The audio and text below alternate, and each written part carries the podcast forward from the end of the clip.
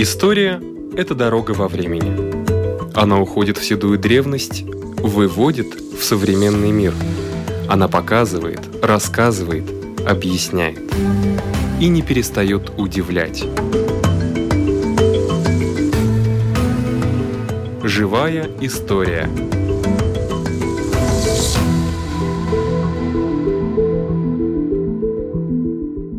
У микрофона Лидия Чера.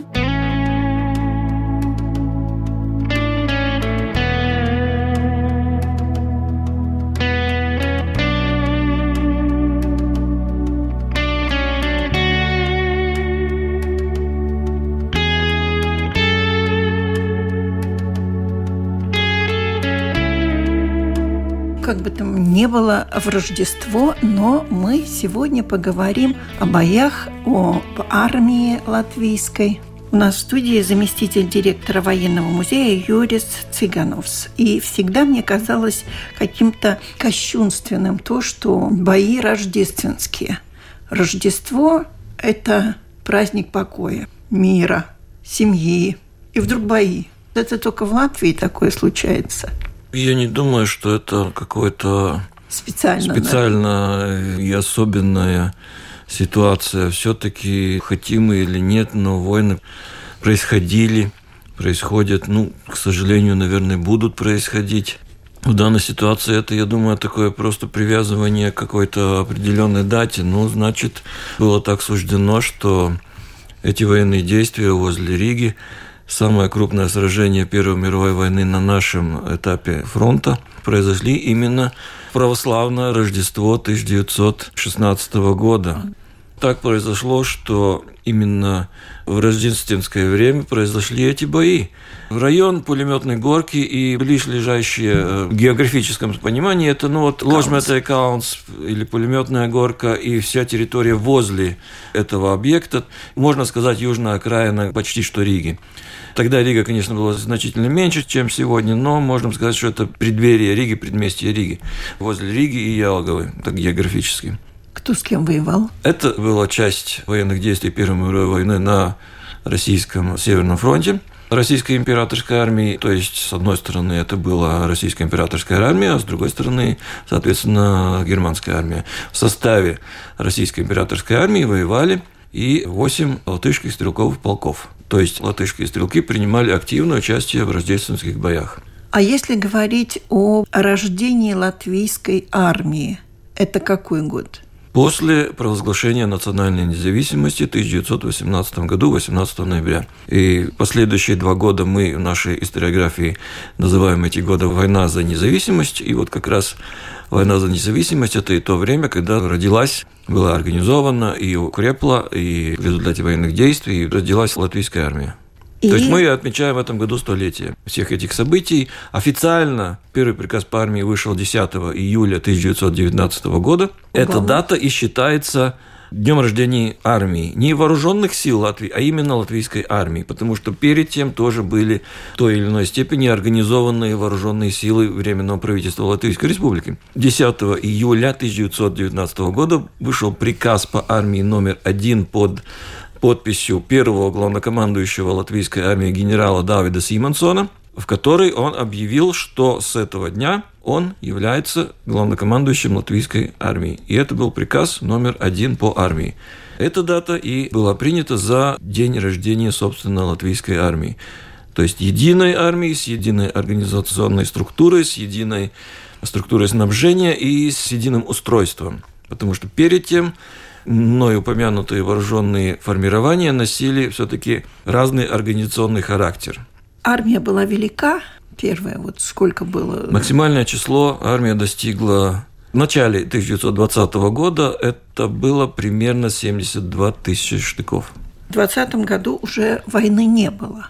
Но в 20 году в начале еще военные действия велись. Первая мировая война закончилась в 18 году по состоянию Компьенского перемирия Германия и ее союзники капитулировали перед Антантой, и военные действия Первой мировой войны прекратились.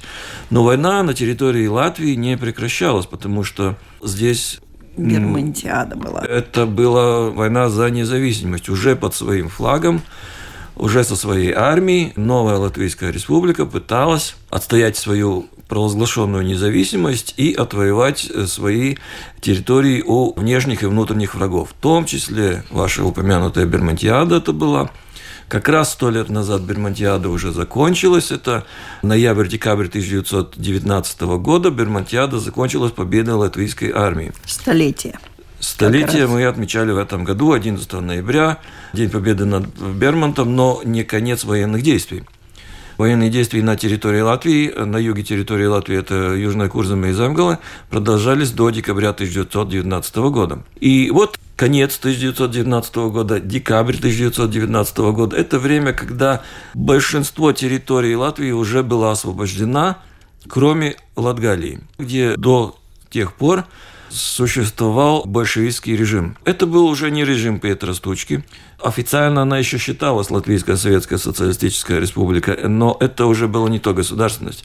Нужен был вот этот последний рывок и последняя победа на территории Латвии, чтобы вся территория была освобождена от внешних врагов. Начало 1920 года совместно латвийско-польская наступательная операция Латгалии началась 3 января 1919 года, закончилась 1 февраля 1920 года. То есть почти месяц шли эти бои в Латгалии, успешные бои. 3 января было занято Даугавпилс, польские войска это сделали, и постепенно вся территория Латвии до примерной этнографической границы была освобождена до начала февраля 1920 года начале следующего года будем отмечать столетие всех этих событий. И, насколько я знаю, в Латгальском регионе это будет отмечаться довольно масштабно. В Резекне. Ну и, в конце концов, война за независимость закончилась с заключением латвийского мира с Советской Россией. 11 августа 1920 года тоже событие, которое будет сто лет в следующем году, но это уже будущее. Часто говорят об этом заключенном мире, о том, что там не учтены были границы, и Абране отошло от латвийской территории. Именно по договору 20 года Абране, по-моему, должно было остаться на латвийской территории. Она и осталась на латвийской территории, отошла она в 1944 году только. Этот мир предусматривал границы между Латвийской Республикой и Советской Россией, но предстояла еще работа по демаркации этой пограничной линии, то есть нужно было эту линию проложить в натуре, так сказать, там, там, там на месте. И были довольно большие разногласия. Кстати, по той же Абране разногласий не было, потому что там уже по договору было более-менее все ясно. Там были скорее разногласия по южной части латвийско-советской границы, округ возле Дриссы. Там был проведен плебисцит, некоторые районы остались, те, которые занимали латвийская армия, они потом по условиям плебисцита остались в территории Советской России, позднейшего Советского Союза. Но были разногласия и по границам и с Эстонией, и с Литвой. Так что эти пограничные, я не сказал, что это конфликты, это все было решено путем переговоров. Так что были эти разногласия по границе со всеми нашими соседями. Но это был вопрос времени. В начале 2020 года главное было достичь вот эту условную этнографическую границу, чтобы потом латвийское государство, Латвийская республика могла позиционировать себя уже как государство с границами. И только после того, как было заключено перемирие, а потом и мир с, между Латвийской Республикой и Советской Россией, и после того, как латвийская армия освободила всю территорию Латвии, нас начали признавать и в международном сообществе. До этого государство как международный субъект не признавалось. А уже после 2020 года, это январь 1921 года, когда Латвия была признана от государства западных союзников, то есть бывшей Антанты. Ну и, соответственно, признана и в Лиге наций, ну это можно так назвать условный предшественник Организации Объединенных Наций, но, конечно, не в том масштабе и не в том понимании. Но суть в том, что После двух лет боев за независимость Латвийская республика в результате того, что наши вооруженные силы не без помощи, конечно, наших союзников освободили всю территорию Латвии, и можно сказать, что благодаря этому и мы были признаны в международном масштабе. Границы были укреплены, все в порядке. А латвийская армия, наверное, все-таки распустила своих солдат. Не надо было уже 72 тысячи. Ну, я бы не сказал распустила. Самый апогей и самая большая численность – это 72 тысячи штыков. Да Но это военное начало, время. Начало 1920 года, да, это военное время. И сразу же после заканчивания освобождения всей территории, а именно с началом переговоров с Советской Россией, было ясно, что армия такое количество для мирного времени не нужна.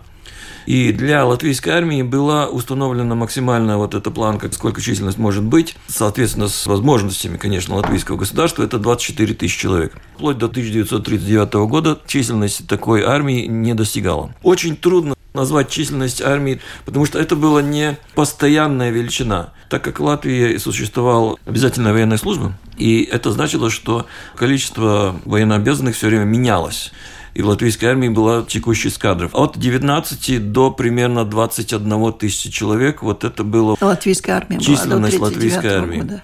Численность менялась почти каждые два месяца, потому что люди приходили, люди уходили, но примерно 19 по 21 тысяч человек. В 1939 году, когда начались уже военные действия в Европе Второй мировой войны, ну, тогда еще были призваны несколько призывов, и численность достигла примерно 30 тысяч человек. Но это было только некоторое время, сентябрь, октябрь, ноябрь 1939 года. А так, в межвоенный период 19, 21, 22 тысячи человек. В следующем году, значит, будут в Латгале отмечать столетие боев за независимость mm-hmm. Латвии. И какие-то еще, может быть, даты есть, которые связаны с латвийской армией в следующем году? 2020 год – значимый год не только по контексту латвийской армии, конечно, но многие значимые события мировой истории тоже, я бы не назвал это юбилеем, но памятной датой, может быть, это конец Второй мировой войны, 75 лет с тех пор, как закончились военные действия Второй мировой войны и на территории Латвии вообще. Это не только май, но это и сентябрь, потому что Вторая мировая война официально закончилась в сентябре 1945 года, а не 9 мая и не восьмого? И не восьмого, нет. Это закончилось военные действия с гитлеровской Германией. Но была еще Япония. Военные действия на японском фронте продолжались вплоть до капитуляции императорской Японии в сентябре 1945 года. Будем, конечно, отмечать и 70-летие начала советской оккупации Латвии. Эта дата тоже круглая, получается, то есть события 1940 года – в следующем году 80 лет этим событиям 1940 года.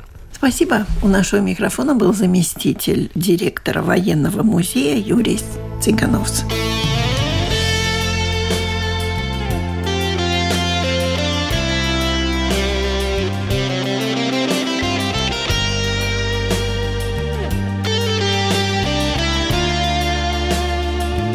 В этом году Латвийская национальная библиотека отметила свое столетие. И наши постоянные радиослушатели, надеюсь, слушали наш цикл, который вел историк Мартин Шминтаурс. Но год столетия все-таки еще заканчивается.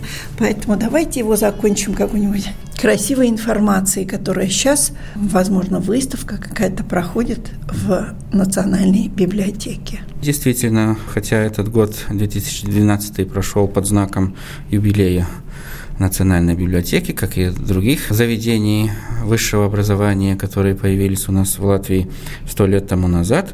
Но, тем не менее, помимо всех мероприятий, которые связаны с юбилеем библиотеки, у нас проходят и другие выставки. Итак, в этом году состоялся еще один юбилей, то есть юбилей Гарлы Бахелвига Меркеля, которого мы знаем уже, можно сказать, с школьной скамьи, как просветителя конца XVIII века, как человека, который написал пламенный такой публицистический памфлет, направленный против крепостного права и в защиту того, чтобы это крепостное право было отменено, как возможно скорее. И в этом году как раз состоялся юбилей 250-летия самому Меркелю, и по этому поводу у нас прошла и конференция, посвященная Меркелю и этой даты и его трудам и написанным. Также в связи с э, состоянием крестьянства в тогдашней Лифлянской губернии, но и другим трудам, которые Меркель писал, например, во время Наполеоновской войны 1812 года, когда он пламенно выступал за Российской империи против Наполеона. Итак, в нашей национальной библиотеке сейчас проводится выставка, которая посвящается этому юбилею Меркеля и которая освещает не только самые главные черты биографии самого Меркеля, но и пытается дать такое определение той эпохи, в которой он жил, и как он пришел к тем идеям, которые он защищал в своем творчестве, и о которых он писал, и из-за которых он также и пострадал от своих и соотечественников, и представителей лифлянского дворянства, которые приняли его идеи об отмене крепостного права довольно не приветствующие, скажем неоднозначно, так. Неоднозначно. Неоднозначно, очень, да, очень даже неоднозначно. Но, тем не менее, Меркель был публицистом, который выступал не только в Риге, не только в Лифлянской губернии, он также время от времени проживал в Германии, он там и проходил свое обучение, и неоднократно там возвращался, и также многие свои труды, по сущности, он писал, не находясь уже на современной территории Латвии, находясь какое-то время в Германии. Но, тем не менее, он не терял популярность и в позитивном, и в негативном смысле этого слова, среди своих соратников и среди сверстников, которые тогда довольно тоже активно выступали и в прессе, и в, как говорится, в закулисных таких боях против идей Меркеля. Но я скажу, что он уже по тем меркам был как гражданин мира. Хотя Совершенно мы должны точно. гордиться тем, что он все-таки считал Латвию своей родиной. Он считал Латвию своей родиной, ну тогда, конечно, Латвии в современном понимании этого слова еще не было. Он как бы придержался патриотизму балтийских провинций и также и патриотизму Российской империи, как я уже говорил, во время наполеоновских войн. Но эта ситуация довольно типичная, можно сказать, для людей, для интеллектуалов поздней эпохи просвещения, потому что это типичная ситуация, когда человек, который получил образование, который считался интеллектуалом не только с сегодняшней точки зрения, когда мы читаем труды Меркеля, но и среди своих товарищей той же самой эпохи, в которой он проживал.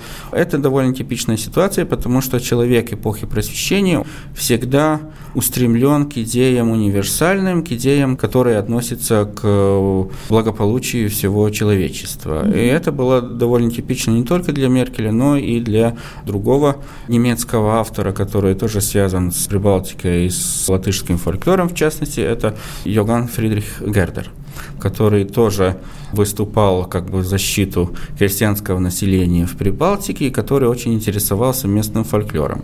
И благодаря публикациям Гердера тоже появился какой-то интерес в научных кругах позднего 18 века и раннего 19 века об истории и фольклоре этих народов, которые проживали в Прибалтике, в частности, истории и фольклоре латышей и эстонцев. Так что люди эпохи позднего просвещения, они как-то очень в себе органично сочетали этот местный локальный патриотизм с универсальными человеческими идеями о праве человека, о том, как надо строить социальные отношения, какое могло бы быть справедливое устройство общества и так далее, и так далее. Но он ведь не просто высказывал свое мнение, он это мнение совершенно смело высказывал и сильным мира сего.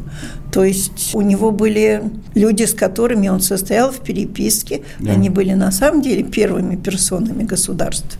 Они были первыми персонами государства, они были тоже первыми персонами как бы локального значения, то есть предводители дворянства, предводители ветеранского духовенства в Лифляндии и так далее. Но тоже эта переписка с э, сильными мира сего, это тоже такое типичное явление уже в эпоху Екатерины II, когда она тоже императрица переписывалась с Вольтером, и это тоже такая черта высших слоев общества того времени. И Меркель тоже не исключение, конечно, он не такого масштаба э, личность, как э, императрица Российской империи, но он тоже имел и своих покровителей среди этих сильных мира сего, и также и своих недоброжелателей доброжелателей. И отчасти, конечно, его пребывание за пределами Лифленской губернии тоже было вызвано как раз тем, что он написал и опубликовал это сочинение под названием «Латыши в конце века просвещения», особенно в Лифленской губернии. И это произведение как раз вышло в свет в 1796 году. И вскоре после этого появилось и второе издание этой книги. Но как раз на латышский язык эта книга была переведена и издана только в 1906 году полностью, после революции пятого года.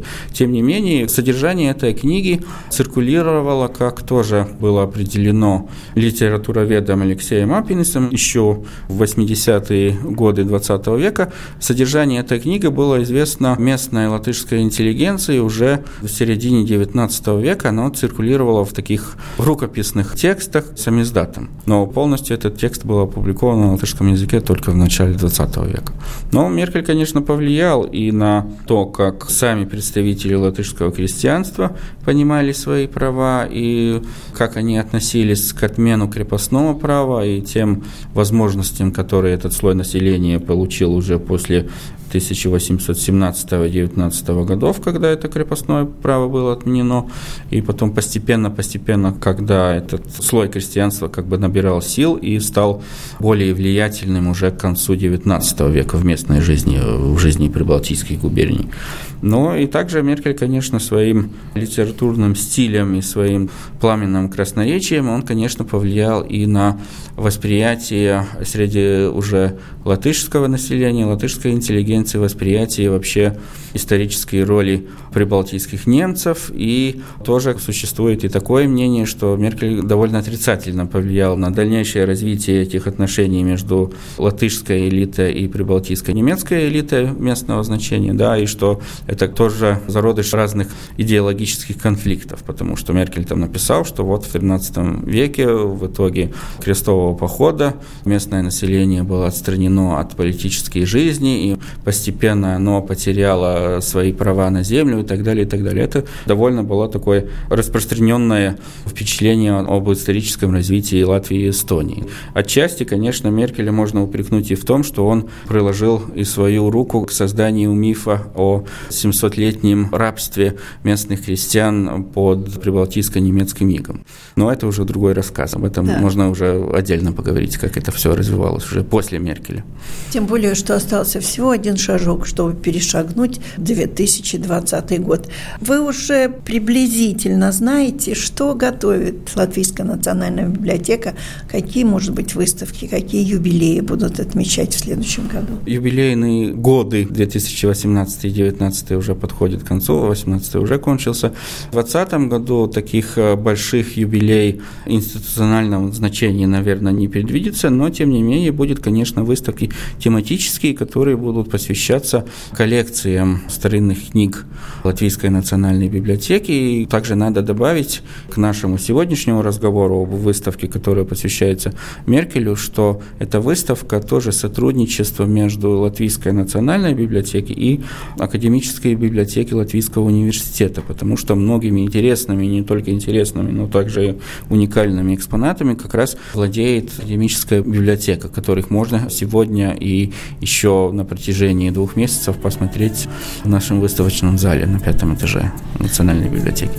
С наступающим Новым годом! С наступающим вас также! Ciets ir cienītis aizkrāsnē, nāc pusīt mātējā zote, ak, neprasi nav maizītes, skat, skat tur laukā zvaigznītes, skat, skat tur laukā zvaigznītes, skat, skat tur laukā zvaigznītes. 100 реликвий истории Латвии. Заместитель директора Государственного музея истории Латвии Ирина Зайбарта. Декабрь, январь – это рождественское время, время раздумий и на вопросы веры и духовности. И как раз это, по-моему, очень хорошо сочетается с одной из наших реликвий. Реликвия истории Латвии. А реликвия – это, наверное, надо сказать, высоко художественного уровня. Это уникальная вещь, и вы уже, наверное, поняли, что речь пойдет об искусстве. То есть о произведении искусства сакрального, то есть церковного искусства, о картине, наверное, надо сказать, триптихе Голгофа.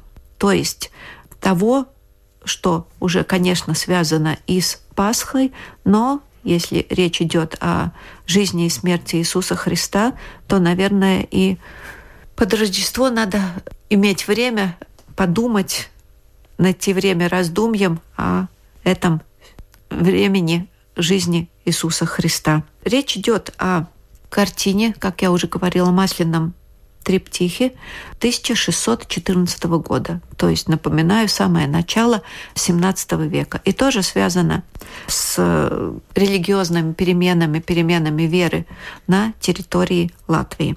Голгофа очень распространенный сюжет искусстве, очень распространенный по всему миру и не имеет, наверное, значения о том, в каком государстве. Наше произведение искусства, наша реликвия в некотором смысле уходит корнями в традиции живописи голландской школы. В то время на территории Латвии довольно много произведений искусства были не самостоятельными произведениями искусства, а в каком-то смысле копиями и подражаниями. В XVI веке Нидерландах и в близлежащих землях был расцвет так называемого Северного Ренессанса, Северного Возрождения. Это произведение искусства, одно из очень-очень немногих произведений искусства именно начала XVII века. И когда через территорию Латвии и в XVII, и в XVIII, и в XX веках перекатывались одна война за другой, очень много произведения искусства. Надо отметить, что в те времена большинство произведений искусства хранилось именно в церквях и костелах. Эти произведения искусства или погибали в огне, или разграбливались. И поэтому ценность их в том, что их осталось очень-очень мало, и мы должны по достоинству оценить то, что сохранилось у нас сквозь века. Именно это произведение искусства, оно э, находилось в начале XVII века в недавно построенной церкви Калнамойжа, которую мы сегодня знаем под названием Тервете. И именно там, после того, как управляющий имений герцога Курлянского Александр фон Хоеннастенберг Вигант подарил это произведение искусства церкви, оно находилось несколько веков. Как я уже говорила, если триптих, он состоит из трех частей. То есть центральная часть, на которой изображена именно Голгофа, то есть уже распятый Христос и двое преступников, которых распяли вместе с Иисусом. А также на этом произведении искусства э, находится еще несколько фигур, которые можно расшифровать, если известен этот сюжет – распятия Христа. На этом произведении искусства и Мать Христа Мария, и будущий э, евангелист Иоанн, и две женщины, может быть, это Мария Магдалена и Соломея, и стражники, которые играют в кости, чтобы знать, кто получит одежду Христа. В общем, весь сюжет Голгофа изображен на этом произведении искусства. И на фоне, конечно, обязательный очень-очень неопределенный сюжет Иерусалима, в котором художник уж, конечно, наверняка не был. На левой стороне изображен сам Александр фон Хонестенберг-Вигант, то есть человек, который подарил это произведение церкви, со своими четырьмя сыновьями. сыновьями. А на правой стороне его жена Елизавета, уроженная фон Хеннинг, с дочерью. А в центре алтаря находилось еще одно произведение искусства «Тайная вечеря». Но, как я уже говорила, время не пощадило это произведение искусства, и в 1934 году Управление по охране памятников обратило внимание именно на это произведение искусства, потому что в то время этой церкви в Тервете производился ремонт. И в это время интерьер преобразовался, ну, более-менее требований того времени, 20 уже века. И поэтому Управление по охране памятников э, сняло это произведение искусства с стен церкви в Тервете и передала Государственному историческому музею. Они были на холстах? Нет, на дереве. на деревянной широкой доске, и э, как большинство произведений искусства того времени, потому что такова была традиция того времени. И эти церковные э, произведения искусства, они довольно часто перевозились. И именно поэтому то, что было нарисовано на дереве, было более легко перевозимым. Попало в музей это произведение искусства в очень плохом состоянии. И поэтому уже через некоторое время эту часть, наиболее плохо сохранившую часть подвергли реставрации. Это тайную вечерю, да? Нет, именно эту Голгофу. Угу. А тайная вечеря не сохранилась. Все-таки пропала. Как не сохранилась и э, правая сторона, на которой изображена была жена дарителя. А она пропала, вот эта правая сторона, во время Второй мировой войны. Ну, а Святая Вечеря, она сохранилась, но не в нашем музее. Рундалы она хранится. Все-таки восстановили в большинстве своем, вот кроме этой правой стороны. А в 2011 году эту Голгофу опять реставрировали, и нам казалось, что на выставке «История реликвии истории Латвии» мы уже теперь покажем э, свое произведение искусства с гордостью, как такую редкую вещь, как редкое произведение искусства. Так и было. Мы демонстрировали ее, выставляли в ЦСИС в 2012 году, а в 2013 году мы выставили его в Рижском замке на выставке «История реликвии истории Латвии». И случился пожар. Пожар не тронул, но сырость тронула то, что, как мы уже говорили, когда тушили пожар, все это залили, и теперь она опять у нас требует реставрации, но она спасена. И реставраторы сразу после пожара взялись за именно это произведение искусства, чтобы не допустить того, чтобы но эта влажность как-то потом стала распространяться, и последствия отрицательные, чтобы, как сказать, ну, не пустили корни, чтобы все это ликвидировать. Так что это произведение искусства, оно реликвии потому, что из 17 века, и потому, что корнями уходит в голландские традиции, и потому, что мало э, сохранилось, и еще потому, что пережило настолько много перипетий всяких поворотов судьбы и даже в 21 веке. Но мы надеемся, что она будет украшать наши выставки и впредь. У микрофона была заместитель директора Государственного музея истории Латвии Ирина Зайбарта. На этом наша передача заканчивается. Всего вам доброго.